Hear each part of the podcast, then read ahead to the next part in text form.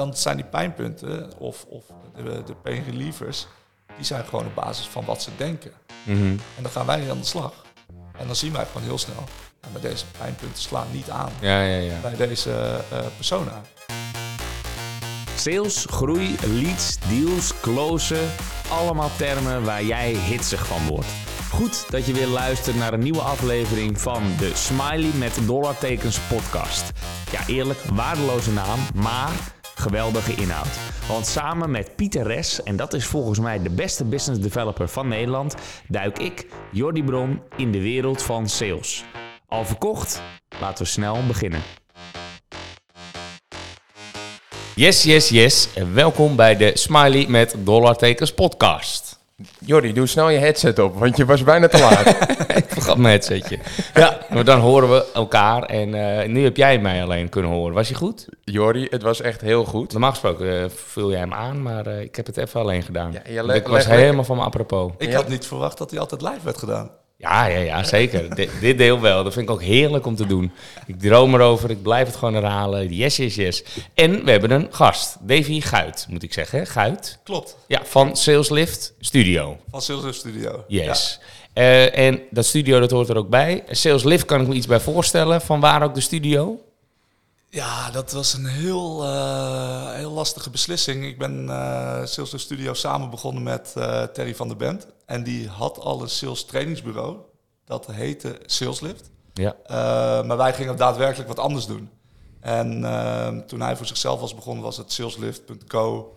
Ja. Ik wilde wel graag .com, was niet meer beschikbaar. Gingen we verder denken. Ja. En we doen veel met designs. Toen dacht ik, oké, dat studio, dat past er prima achter. Ja. En was nog vrij. Nou, En, eh, past ook eh, prima daarachter.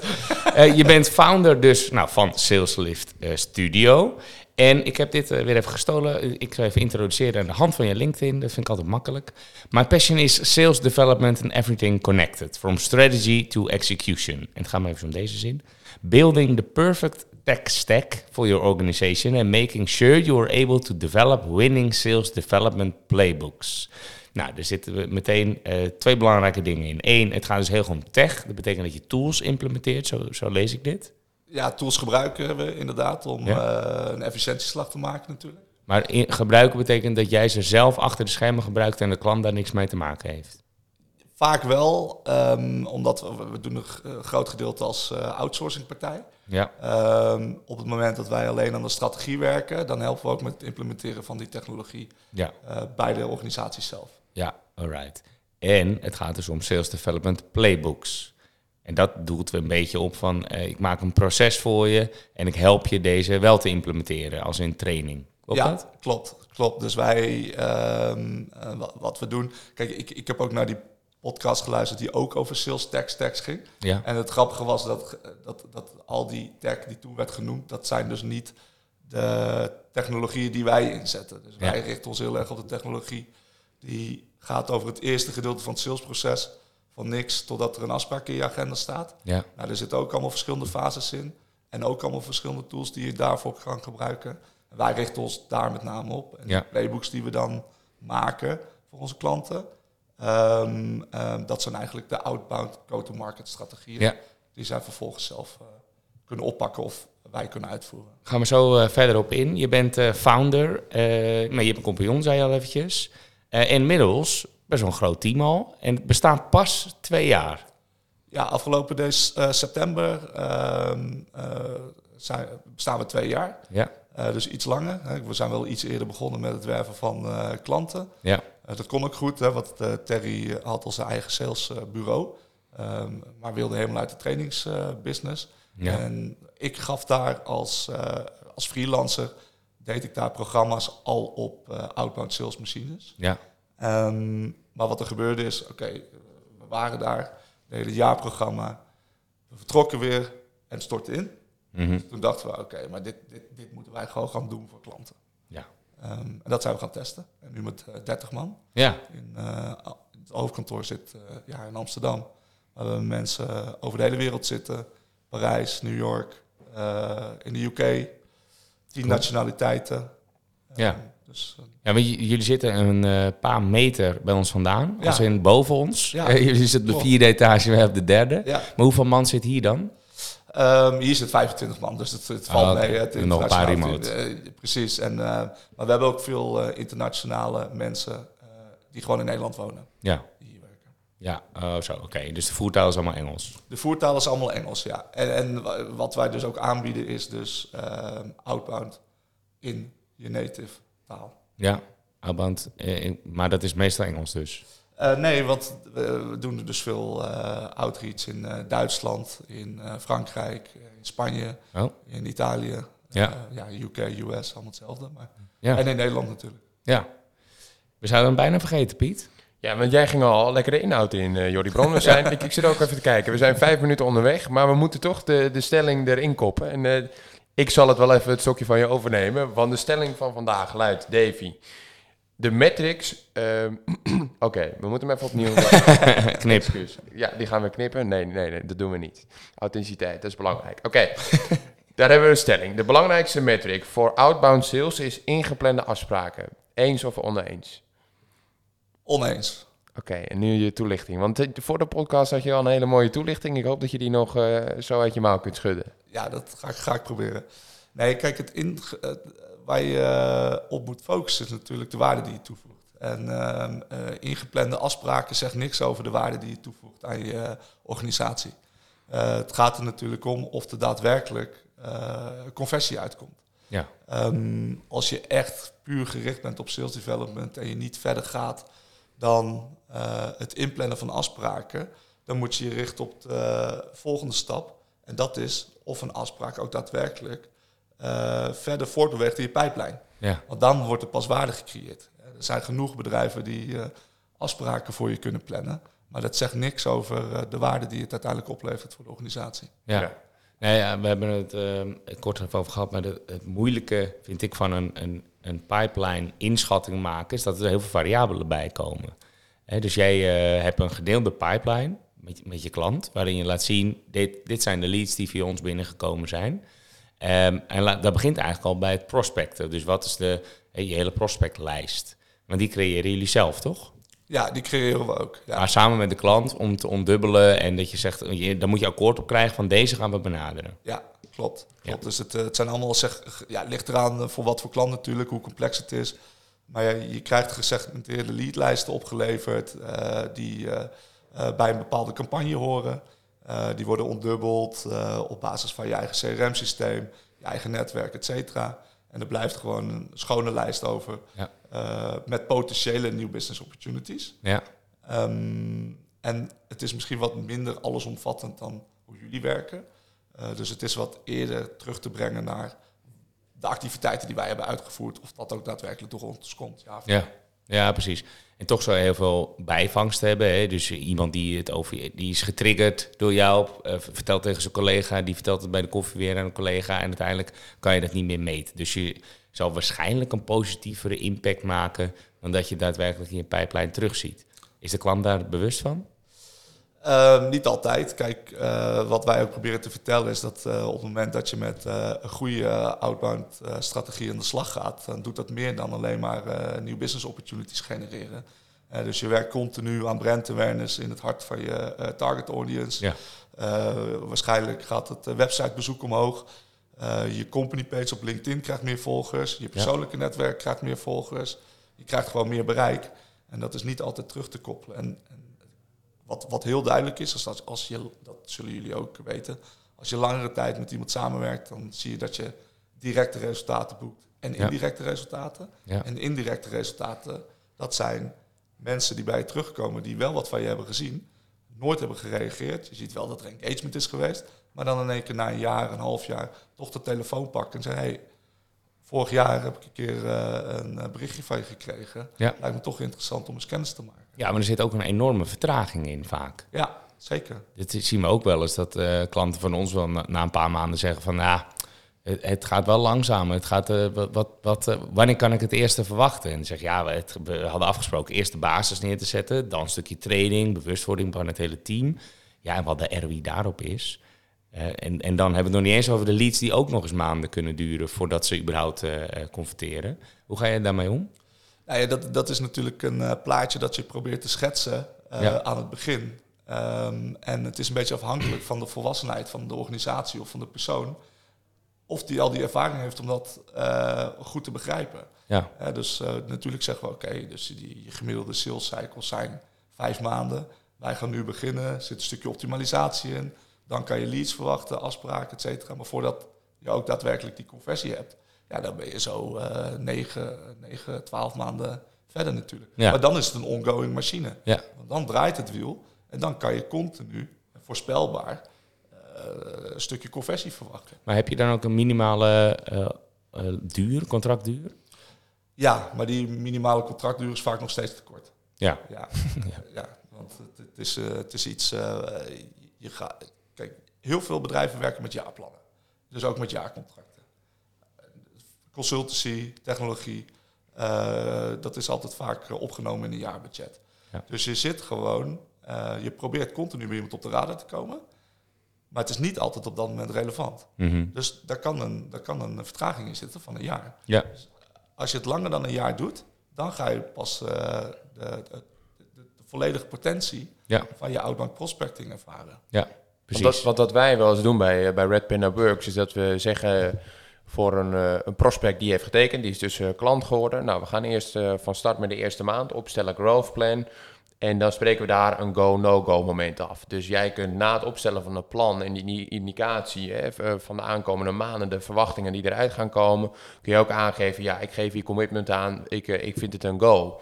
Is dat ook iets wat jullie bij SalesLift Studio hebben, hebben geïmplementeerd in, in een dergelijk contract? Of dat het wel eens aan aan aan de orde komt? Ja, in de pilotfase wel, hè, want eh, in de pilotfase moet je, eh, na de pilotfase komt er eigenlijk een soort van beslissingsmoment. Waarin je moet bepalen of je eh, wat wij hebben gedaan, of dat waarde toevoegt. Ja, Maar die waarde die wij toe hebben gevoegd, is op dat nog moment nog niet nee.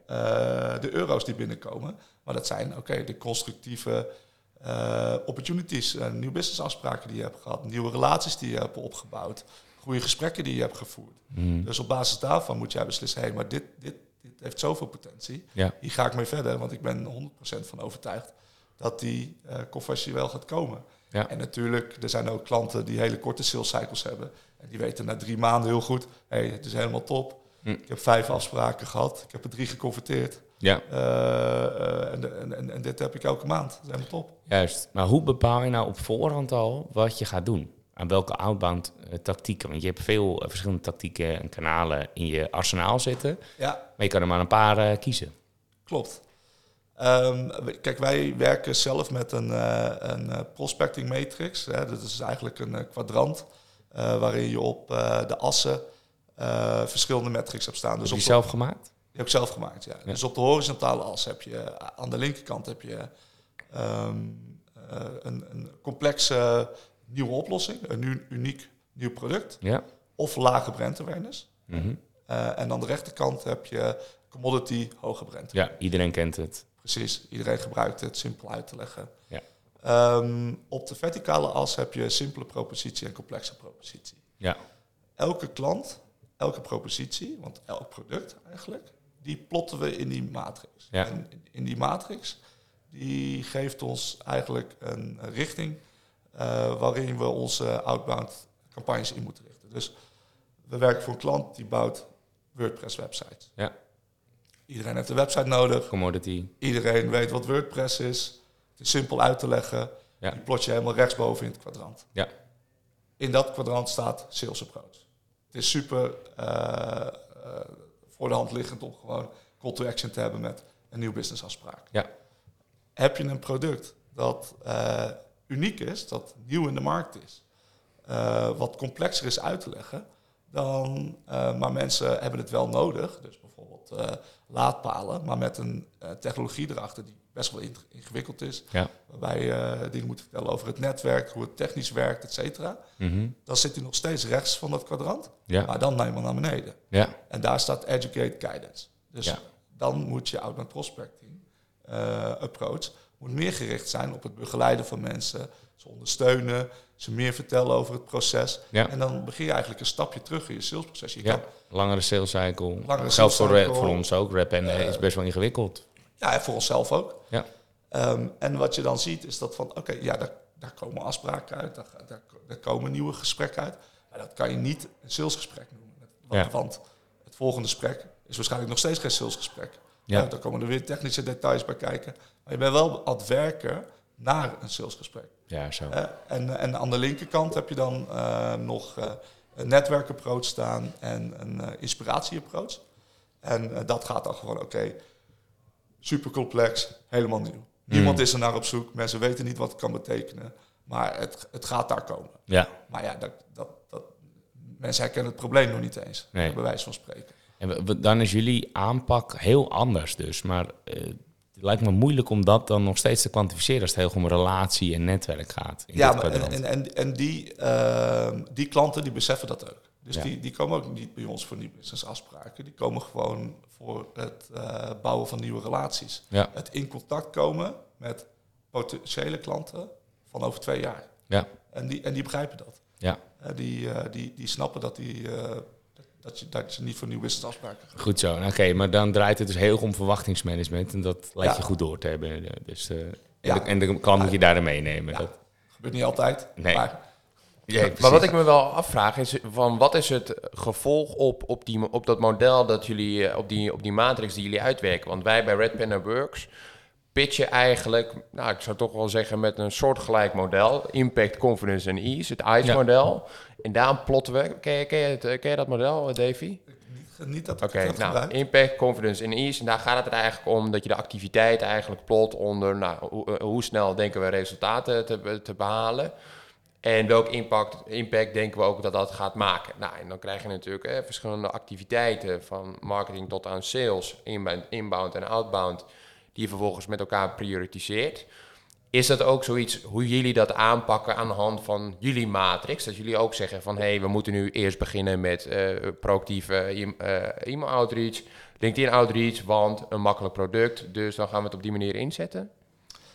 Eh, ja, we hebben natuurlijk playbooks die zichzelf bewezen hebben voor per kwadrant. Ja. dus we weten inderdaad gewoon, eh, we hebben wat eh, variaties per, eh, eh, per aanpak, waarvan we al weten dat die zich in het verleden hebben bewezen. Ja. Maar wat moeilijker is, is ehm, om een eh, klant mee te krijgen eh, en te overtuigen dat ze die aanpak moeten doen. Mhm. Want een, eh, een klant kan ook zelf de perceptie hebben, nou ja, maar wij, wij moeten gewoon salesafspraken hebben. Ja, En wij, krijgen, wij kunnen dan met heel makkelijk, met marktverkenning eigenlijk, want dat is wat, wat, wat je ook doet met eh, outbound sales, ja, kan je gewoon inzichten terugkoppelen waaruit blijkt, je propositie, je product, is nog niet klaar voor directe salesafspraken in deze markt. ja, Dus je moet een stapje terug in dat kwadrant, Ja. waarbij we dus een andere aanpak moeten eh, bedenken, of een an- andere aanpak moeten gebruiken, waarbij jij misschien andere content moet gaan creëren. Want Ja. jouw content sluit dus ook niet aan op de fase waar jouw prospects in zitten. ja, Ehm, en eh, en eh, guidance en educate is natuurlijk hele andere content dan, eh, ja, dan demo's, business cases, et cetera. ja, ja, mooi. Ja, slim. Ehm, ik, ik vind dit kwadrant inderdaad ook wel echt heel slim. Het, is- ik ben ook wel al lange tijd eigenlijk op zoek naar iets meer playbooks-achtig. Wij hebben ook allemaal wel SOP's, dat komt wel heel erg overeen, denk ik. Standard Operating Procedures staat dat voor. Maar toch blijft het altijd wel een inschatting van de growth manager... wat er allemaal mogelijk is en nodig is eigenlijk ook voor een klant. En het is ook heel vaak wegstrepen. Daar gebruiken we dan ook een, eh, een, twee, twee assen met inderdaad... hoeveel resultaat verwachten we uit deze activiteit... En eh, wat is die andere? Hoeveel eh, effort? Dus hoeveel tijd dan wel geld gaat dit dan kosten? En dan wil je natuurlijk ook rechtsboven zitten. En dan ga je al je activiteiten daarop plotten. En dan kijk je uiteindelijk, wat staat er nou allemaal rechtsboven? Eh en, want die hebben dus meeste impact met het minste geld. Ja. En het is dus wel heel vaak wel, eh, en nu pas valt het kwartje eigenlijk bij mij. Dat ik denk, ja, heel vaak is dat wel ongeveer hetzelfde bij type bedrijf. Hoe Ja. complex de propositie is en of het inderdaad een commodity is of niet. Dus het, eh dankjewel voor deze learning, Davy. Ja, het is nog niet openbaar gemaakt, maar ik zal binnenkort een artikeltje erover schrijven. ja. Ik denk dat er veel, veel eh, bij ons ook, veel bedrijven ongeveer dezelfde aanpak hebben als de bedrijven waarschijnlijk over deze twee criteria, die, eh, die commodity en de propositie dus, dat die inderdaad wel heel erg hetzelfde zijn. We zeggen ook wel eens voor de gein, als we een brainstorm doen, hoeven we eigenlijk alleen de naam uit het midden te gummen, want deze lijkt wel heel erg op die vorige.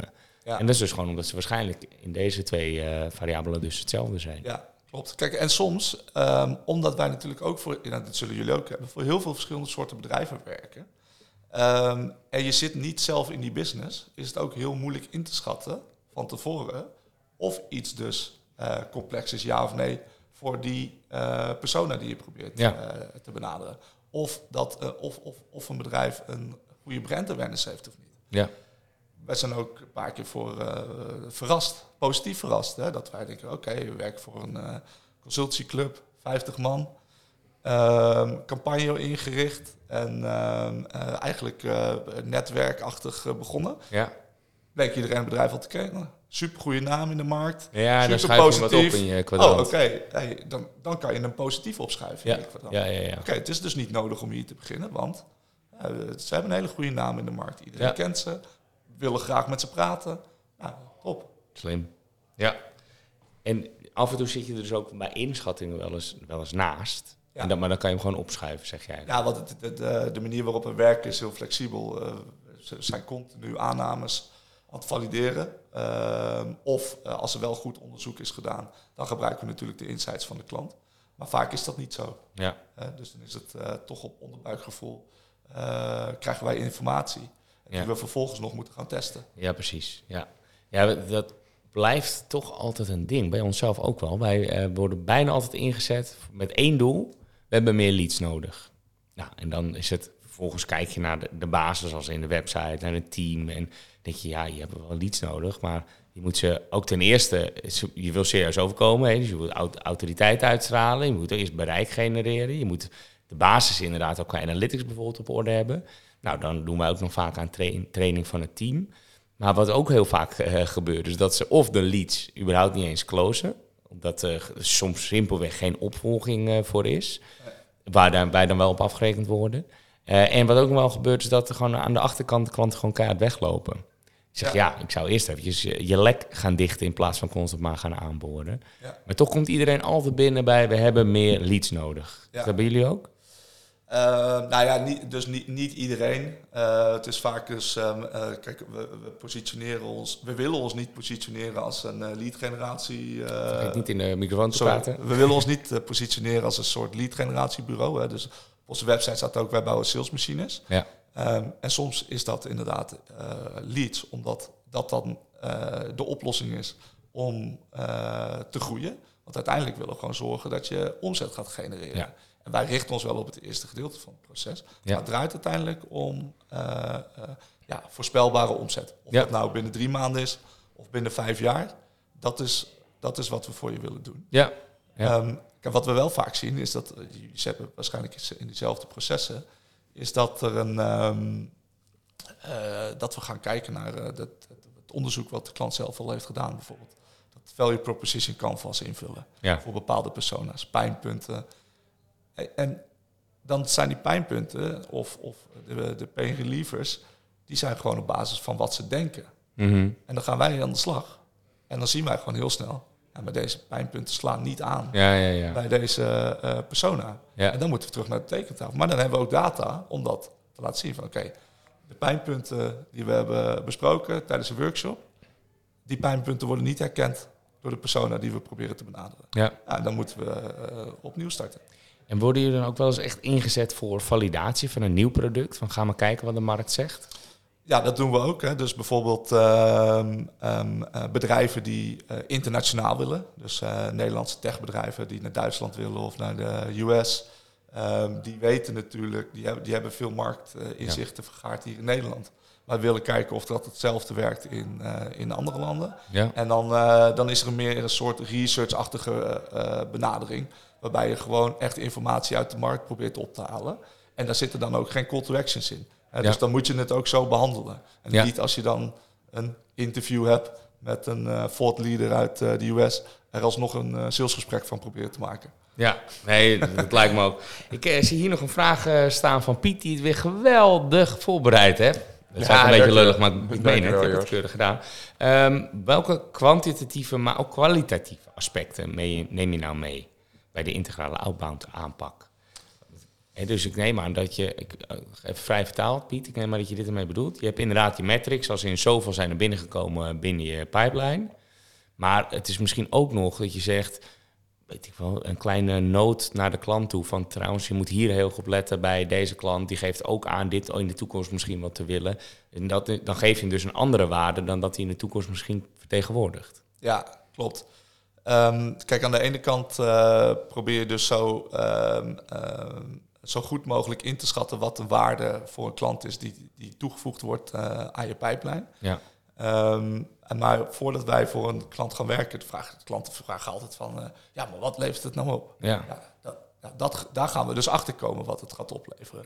Wij weten gewoon dat als je X aan ons betaalt, dat daar een bepaalde bandbreedte aan uh, new business opportunities uit gaat komen. Ja. Dat kunnen we best wel goed inschatten. Mm Maar die, die, aanpak die we hebben, die uit die prospecting matrix uh, komt, die bepaalt eigenlijk van oké, maar wat moeten we daarvoor doen? Mhm. Hoeveel prospects hebben we nodig? Bijvoorbeeld uh, hebben we 50 prospects nodig om toe te voegen aan de campagne, ja. om uiteindelijk twee nieuw business afspraken te genereren of tien mensen op een netwerkevent te krijgen of uh, vijf mensen bij een productdemo. Ja. Uh, dus dat zijn eigenlijk de, de, de, de, de kwantitatieve kenmerken van wat ja. we doen. Dus toch een soort van hygiënefactor. Aantal mensen die we nodig hebben. Um, open rates, reply rates. En dan vervolgens de successen die eruit komen. En Ja. daar kunnen we heel goed mee spelen. Dat is allemaal uh, kwantitatief. Mhm. En dan vervolgens um, proberen we in um, evaluaties met klanten gewoon heel goed te begrijpen hoe die gesprekken waren. In die overdracht naar die klant alle informatie mee te geven die wij tijdens onze gesprekken Ja. uh, hebben verzameld. Um, om, om zoveel mogelijk uh, waarde in die pijplijn toe te voegen. En dat kwalitatieve kan hem dus ook erin zitten dat je eerlijke feedback geeft over pricing of over hun USP's waarvan zij denken dat de USP's zijn. Ja. Ja, zeker. Dat, dat, dat gebeurt dus inderdaad tijdens die gesprekken met die klant. Ja. Uh, vooral in die beginfase.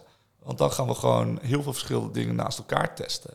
Uh, heel veel validatie doen op pijnpunten, op proposities, op persona's, op Ja. content die ze hebben gecreëerd. Want wij, wij zijn heel erg gedreven door ehm, waardevolle contactmomenten. Dus Ja.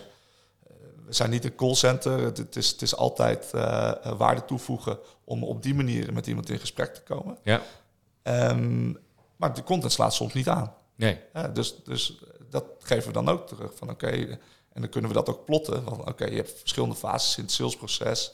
Awareness, uh, consideration, decision. Nou, je hebt alleen maar content voor in de decision fase. Ja. Business cases, et cetera. Maar Ja. mensen zijn helemaal niet...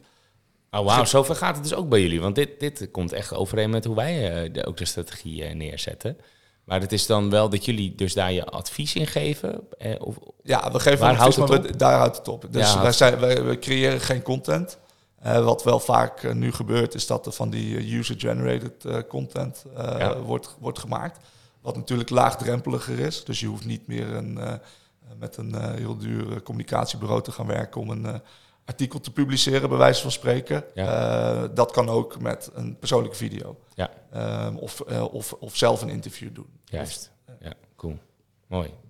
Ja, ik hoorde toch wel wat gelijkenis inderdaad. Maar het is, ik zie het ook meer als een aanvulling eh, op waarbij we iets meer strategie doen. Ik denk dat het grote verschil is. Waarbij er heel veel tactieken waarschijnlijk ook terugkomen. Maar wij dus wel de content ook voor, je, voor onze klanten dan regelen. Ja.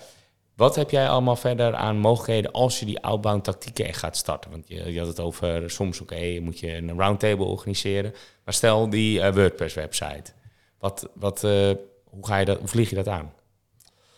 Hoe dat er in de praktijk eruit ziet. Ja, wat doe je dan? Ja, de- het start altijd met een workshop bij de klant. Eh, dus ehm, ehm, wij weten met de WordPress-website is misschien wat makkelijker in te schatten eh, wat zo'n bedrijf doet. Ja. Maar ook daar hebben we een workshop gedaan. Ja. Om gewoon helemaal te begrijpen hoe die business in elkaar zit. Ja. Wat doe je nou precies? Wat zijn de trends in de markt? Zijn er nog technische aspecten waar we rekening mee moeten houden? Wie, die- wie is je ideale persoon met wie je praat? Hoe groot zijn de bedrijven waarvoor je werkt? Ehm concurrent in de markt. Eh, welke pijnpunten los je op? Nou, eh, dat, dat, dat, dat gaan we dan allemaal behandelen. Ja. Zij bereiden dat voor per individu. Ehm, we noemen het een workshop, maar eigenlijk is het ook een trainingssessie voor ons, maar ook voor de organisatie zelf, om Ja. te zien of iedereen op één lijn zit. Slim. Dus zij krijgen antwoorden terug en dat komt uit van nou, ideale klantprofiel, bedrijven groter dan eh 100 medewerkers, eh, die een outdated website hebben, ehm, in de retail. Ja. En, en, en zijn collega zegt, ja, een bedrijf van minimaal duizend medewerkers in de Ja, finance sector. ja, en en eh, eh, waarbij het design niet goed is. En dan gaan we dat challengen. Ja. Oké, dus dan verzamelen we heel veel informatie. Ja. En vervolgens gaan wij een verhaal op papier zetten, een strategie, waarin we altijd uitgaan van een multi-channel campagne. Eh, mail, LinkedIn, landingspagina's, chat, persoonlijke video's, eh, telefoon, et cetera. Ja. Ehm, en dan eh, in ieder geval 7 tot 8 plus positieve contactmomenten. Waarbij we altijd proberen waarde toe te voegen. Ja. Dat is een beetje wat eruit gaat komen. Ja. En dat is dan met simpele proposities. Mhm. Ehm, o- v- verspreid over een, over een maand, zes weken. Ja. Ehm, werken voor hele complexe klanten, waarbij de sales cycles heel lang zijn. Dan worden er eh, campagnes ontwikkeld die soms wel 90 dagen duren. Mhm. Waarbij het echt gaat om gewoon met iemand in contact te komen. Ja. Ehm, en dat is dan meer een netwerk, eh, netwerk eh, aanpak. Ja. ja, wij hebben meer van die laatste categorie aan klanten. Dus echt Ja. lange sales cycles, soms eh, miljoenen orders, tonnen vaak. eh, en eh, niet zozeer de, de WordPress eh, bouwen, Nee. niks te nadelen van. Maar we zien wel dat het echt wel om hele lange sales cycles gaat bij ons. En dat vergt inderdaad een andere aanpak. Ja, ja, en, en, en maar jullie hebben het ook een growth hacking eh, achtergrond. Ja. Ja, dat, dat, heeft ook, dat, dat zie je denk ik ook terug. Mhm. Eh, dus eh, wij zouden heel graag wat meer growth hacking willen implementeren in onze aanpak. Ja. Ehm, alleen de mensen met wie we praten, eh, die moeten wij nog opleiden Ja. om daar ook zo naar te kijken. Juist. Ja, cool. We zijn aan, aan, de, aan de tijd. Ehm, heb je nog een laatste tip? En waarvan je zegt, nou, ik heb er nog één. nou, ik, wat, wat ik wel een tip vind is ehm, ehm, dat... ehm, kijk, we hadden het over de technologie hè, in het begin. Wij, wij staan heel erg voor kwaliteit. Eh, dus eh, op het moment dat je je outbound goed inricht... eh, heeft dat op de lange termijn een heel positief effect. Mhm. Ehm, eh, de uitdaging zit hem in, in, het, in het begin... dat je niet je eigen markt verpest. Ja, Want je kan namelijk gewoon met hele slechte outreach resultaten halen. ja, Alleen, dat heeft pas een negatief effect op de langere termijn. Want dan is niks, er zit geen structuur in je outreach. Maar dat is prima, want je, je hebt toch 5000 man die je kan benaderen. ja, ja. ja. Eh, niemand komt erachter eh, wat je fout doet. En dan over een jaar ben je weg als sales developer. En dan moet iemand anders eh puin ruimen. Ja. Ehm, maar dat is ook voor de, voor de business owner. Die ziet dat niet. Dus ook netjes werken en goed bijhouden. Netjes werken en gewoon op een lange termijn aanpak maken. En niet gewoon kijken naar je target van deze maand. Ja, Dat, dat, is, zo. dat zou ik mee willen geven. Dan gaan we hem afsluiten, Piet. Ik denk dat we hem ook gaan afsluiten. En die laatste vind ik inderdaad wel een mooie inderdaad. Wees gefocust op de lange termijn eh, resultaten en niet zozeer op, eh, op de korte. Ja, we gaan het onze klanten vertellen. Dankjewel, Davy. Dankjewel. bedankt. Yes. Ja, mooie podcast. Jij wordt de beste business developer en ik hoop dat onze podcast daaraan zal bijdragen. En dan wil ik gelijk een beroep op jou doen. Zou je me een plezier willen doen en een review willen achterlaten in je podcast app? Dat helpt ons om beter te worden en zo zullen we hopelijk nog meer mensen bereiken. Alvast bedankt en weer tot volgende week.